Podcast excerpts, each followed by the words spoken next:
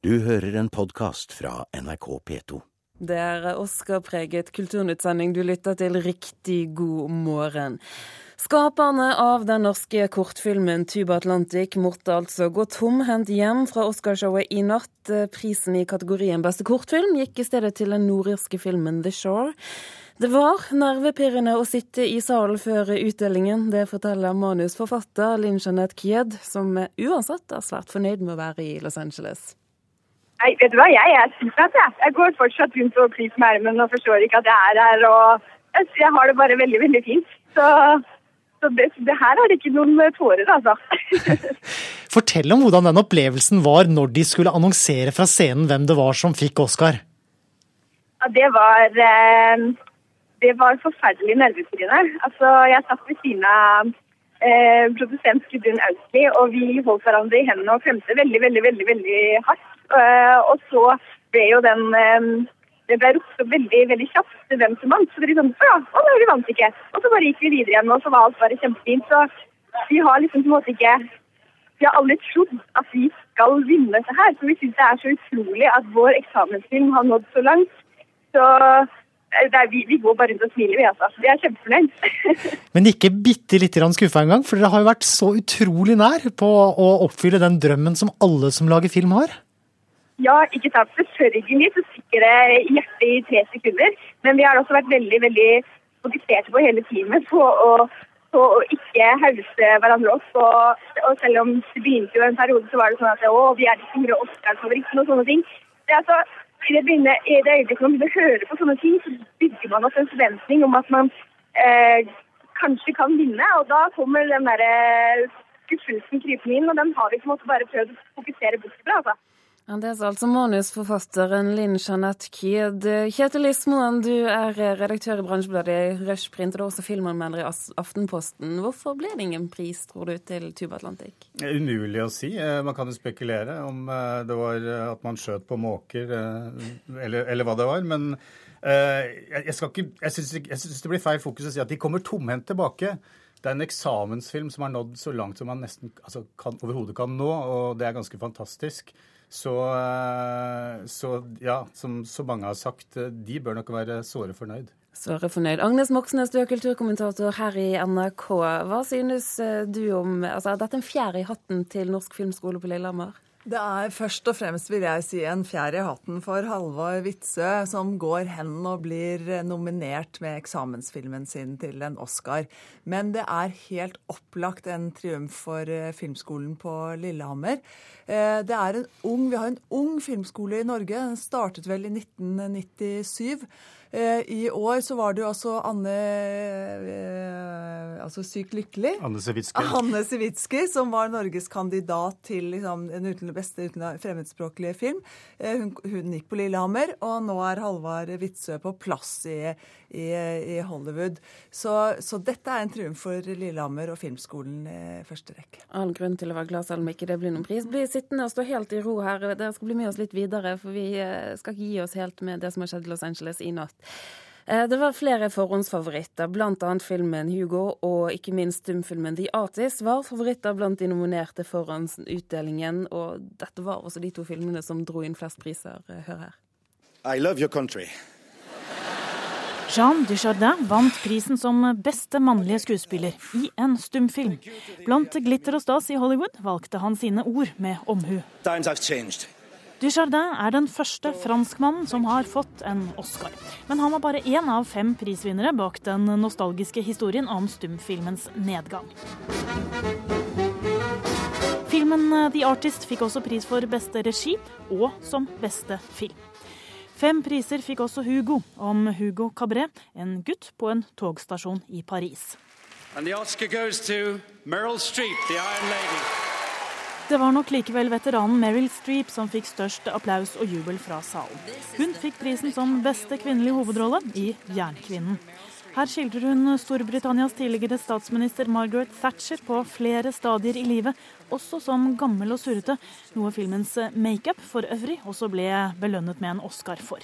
I have done battle every single day of my life, and many men have underestimated me before. Meryl Streep fikk dermed sin tredje Oscar-pris etter å ha blitt nominert 17 ganger. Og selv med full kontroll på scenen få minutter tidligere i showet, og med en gullkjole som nærmest gjorde henne til et kvinnelig motstykke til Oscar-statuetten, fikk hun slite litt med takketalen sin også. He, uh, film with me was Sophie's Choice, and all the way up he won for his beautiful work in The Iron Lady 30 years later. Men det var flere som gråt.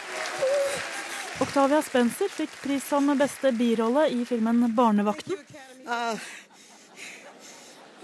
Beste mannlige birolle i filmen 'Beginners'. Christopher Plummer fikk også en uoffisiell pris som verdens eldste Oscar-vinner. You're only two years older than me, darling. Where have you been all my life? When I first emerged from my mother's womb, I was already rehearsing my Academy thank you speech. But it was so long ago, mercifully for you, I've forgotten it. 82 år gamle Christopher Plummer til slutt der. Reporter det var eh, Pernille Amdal. Vi skal nå til Hollywood. Og reporter Mona B. Riise, du har fulgt kveldens Oscar-utdeling. Vi har hørt noen høydepunkt nå, men, men hva vil du si var kveldens mest minneverdige øyeblikk?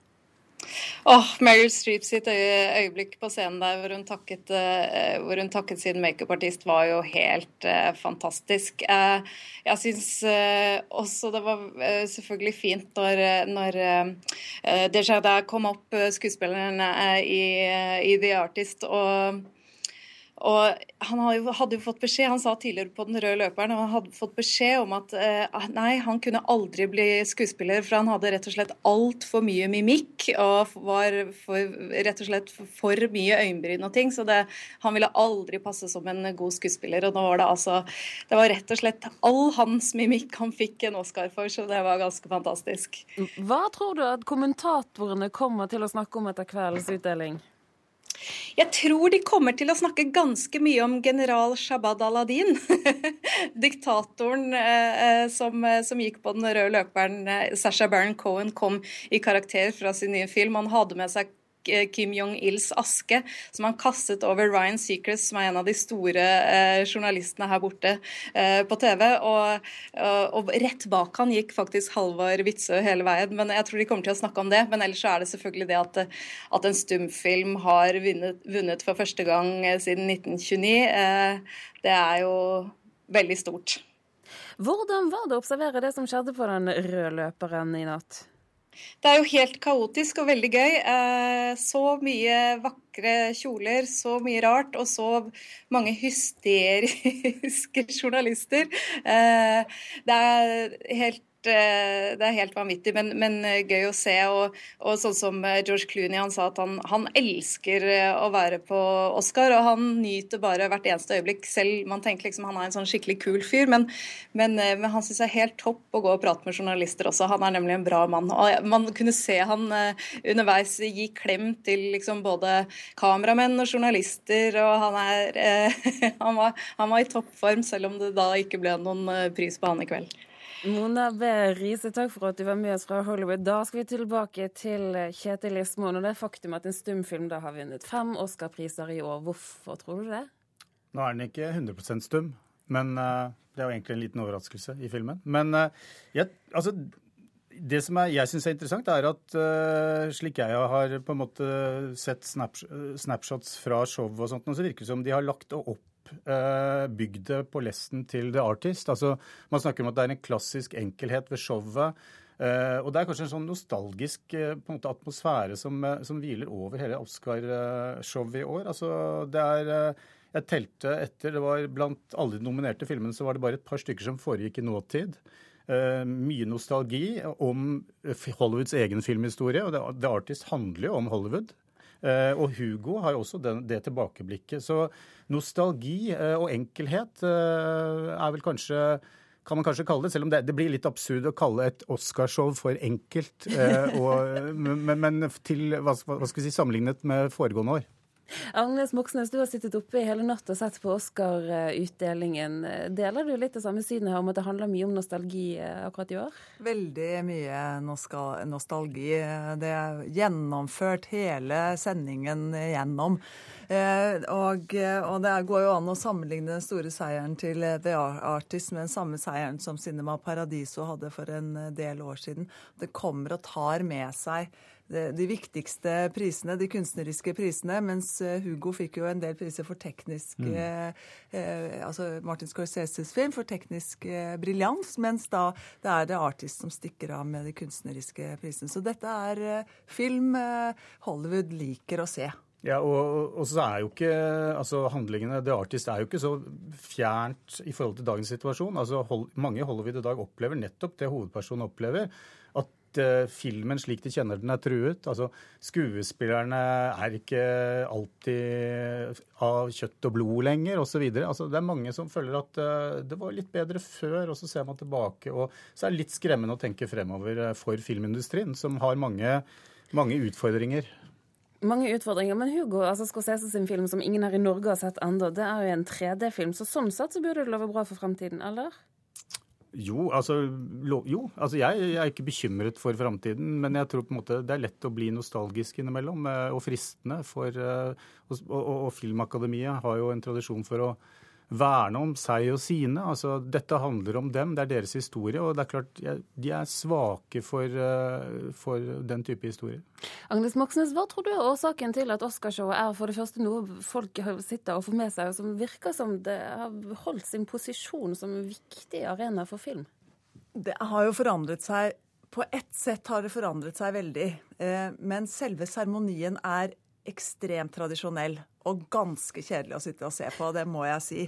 Men det som har forandret seg, er det som skjer rundt Oscar-utdelingen.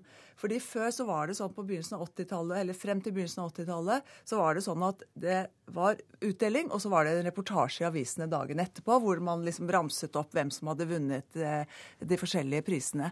Nå starter neste års Oscar-utdeling allerede i dag eller i morgen, tenker jeg, hvor man begynner på sosiale medier, i blogger, overalt så er det en haug med insidere som er spesialister på, på Hollywood og på film, og som skriver overalt.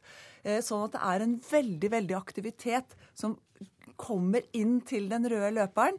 Og, og, og, så kulminerer det hele i dette showet.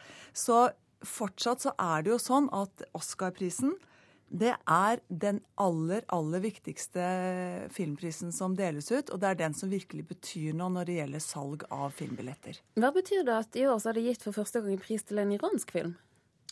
Um Vanskelig å si. Eh, iransk film har på en måte hatt et internasjonalt gjennombrudd for lenge siden, også i USA. Eh, men altså, for filmskaperne det gjelder, så betyr det mye. Jeg tror vi ofte glemmer det at de fleste filmene som får Oscar-priser i mange kategorier, blir ofte glemt. Men det er uhyre viktig for karrieren til de som får prisene. Iransk TV pleier jo normalt ikke å melde eh, hva som skjer på sånne store vestlige kulturarrangementer. Men eh, nå for en par timer siden så har iransk stats-TV val, eh, valgt å melde at eh, Semin, Nader og Semin vant over sionistfilmen, altså den israelske filmen. Så der er det en triumf i dag. Det, ja, Det viser vel hvor viktig Oscar er. Kjetil Lismoen og Agnes Moxnes, takk for at dere var med oss her i Kulturnytt. Du hører en podkast fra NRK P2. Han var en stor kunstner, sier Liv Ullmann om den svenske skuespilleren og forfatteren Erlend Josefsson som døde i helgen.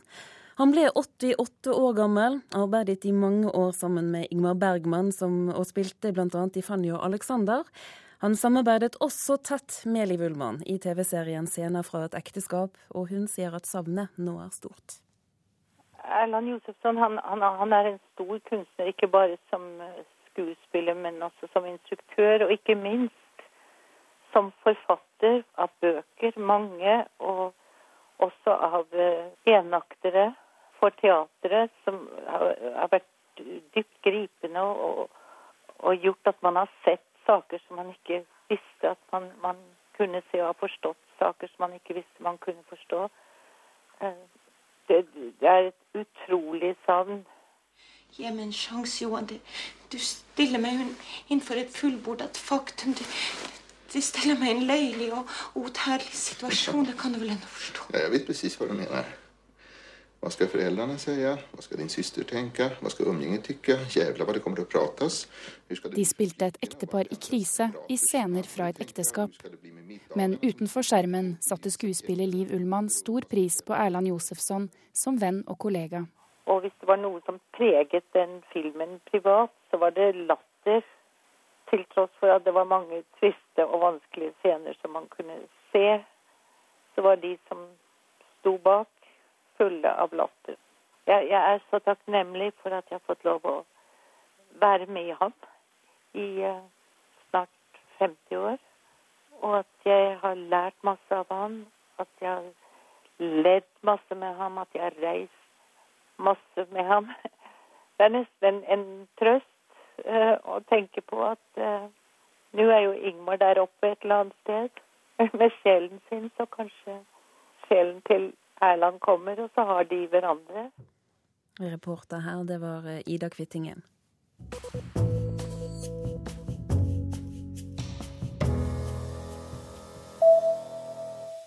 Midt under den største etterforskningen som involverer britisk presse noensinne, så kom det i går en ny avis på gatene i Storbritannia.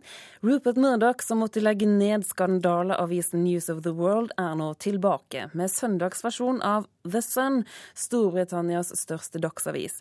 Korrespondent Gry Blekastad Almås er usikker på om dette vil gi Murdoch leserne tilbake. Nei, Det spørs jo på lang sikt, da, men ifølge Murdoch selv på Twitter eh, i går kveld, så sier han at de solgte tre millioner eksemplarer i går. Og det er i så fall langt flere um, enn konkurrentene på søndagene. Og En liten historie fra min egen lokale aviskiosk. Eieren der eh, måtte i går stoppe en av sine faste kunder, som vanligvis på søndager kjøper The Sunday Times, og som i går hadde The Sun med seg i stedet.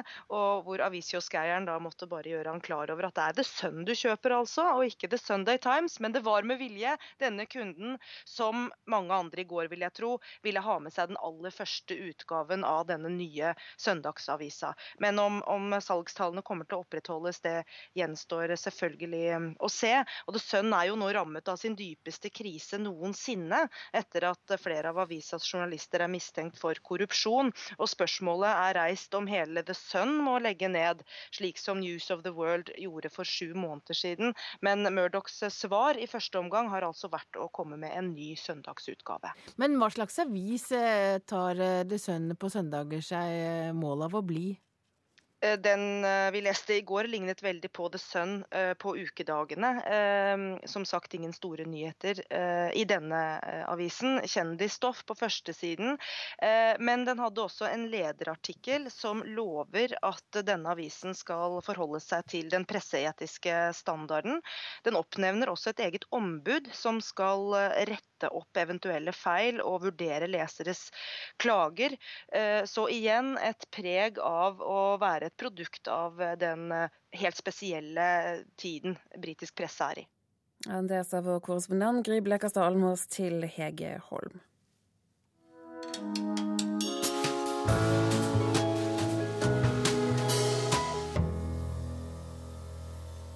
Drivende og informasjonsmett rettet ny mediehistorie kommer frem i Morten Jentoft sin bok 'Radio Moskva nordmenn i sovjetpropagandaens tjeneste'. Det mener forfatter og journalist Arnhild Skre, som har anmeldt denne boken for NRK. NRKs utenriksmedarbeider og Russlandkjenner Morten Jentoft har gjort det igjen. I tre tidligere bøker har han beskrevet livet og skjebnen til nordmenn som av ulike grunner havna i Russland og i Sovjet på 1800-tallet, under andre verdenskrigen og under den kalde krigen. I den fjerde boka til Jentoft, Radio Moskva, er det nordmenn i sovjetpropagandaens tjeneste som er temaet. De var flere enn jeg var klar over, og som alle personer i Jentofts tidligere bøker havna de i klemme mellom et hardt kontrollerende sovjetregime og ei omfattende og svært interessert norsk etterretningstjeneste. Radio Moskva var de norske sendingene fra det store radiohuset i Moskva, forsiktig starta som norske kommentarer til klassiske konsertoverføringer fra 1938, etter den tyske okkupasjonen av Norge, og særlig etter at de regulære norske sendingene starta i 1941, var nyhetssendingene fra Radio Moskva en inspirasjon for norsk motstandsrørsle og en mye brukt informasjonskanal for illegal norsk presse. Aldri like mye lytta til og stolt på som de norske sendingene fra BBC i London, men likevel. Det er, som Jentoft skriver, påfallende at stemmene fra London ble hylla som helter etter krigen, og fremdeles har navn som lyser i krigshistoria, mens stemmene fra Moskva er glemte og kom hjem til mistenksomhet, yrkesforbud og overvåking. Etterkrigstida er tredje fasen i denne til nå ufortalte norske mediehistoria. Fra jernteppet begynte å senke seg over Europa rundt 1947, ble de norske sendingene fra Radio Moskva en propagandasentral for Sovjets syn på den todelte verden som kaldkrigsklimaet skapte. Og det er kaldkrigskapitler i boka som byr på de mest hjerteskjærende skjebnene. Morten Jentoft skildrer det hele i en drivende og informasjonsmetta tekst, som rører seg lett mellom nivåer, fra de storpolitiske spenningene via mellomnivået i partikontorene i norske departement og etterretningstjeneste, men aller mest på mikroplan, i enkeltmenneskets liv.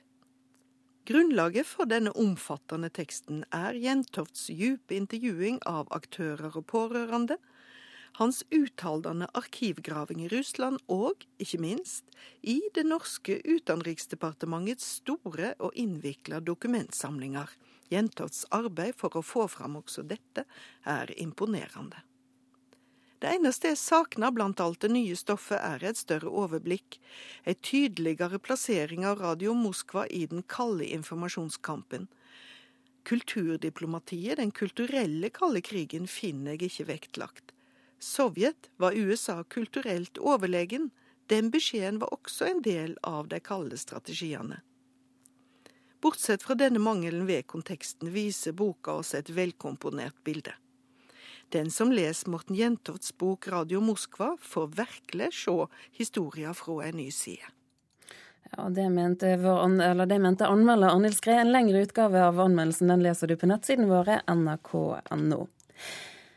I denne Kulturnytt-sendingen så har du hørt at det altså ikke ble noen Oscar til den norske kortfilmen 'Tuba Atlantic'. Regissør Halvard Witzøe sier i et helt ferskt intervju med oss i NRK nå at han ikke er skuffet.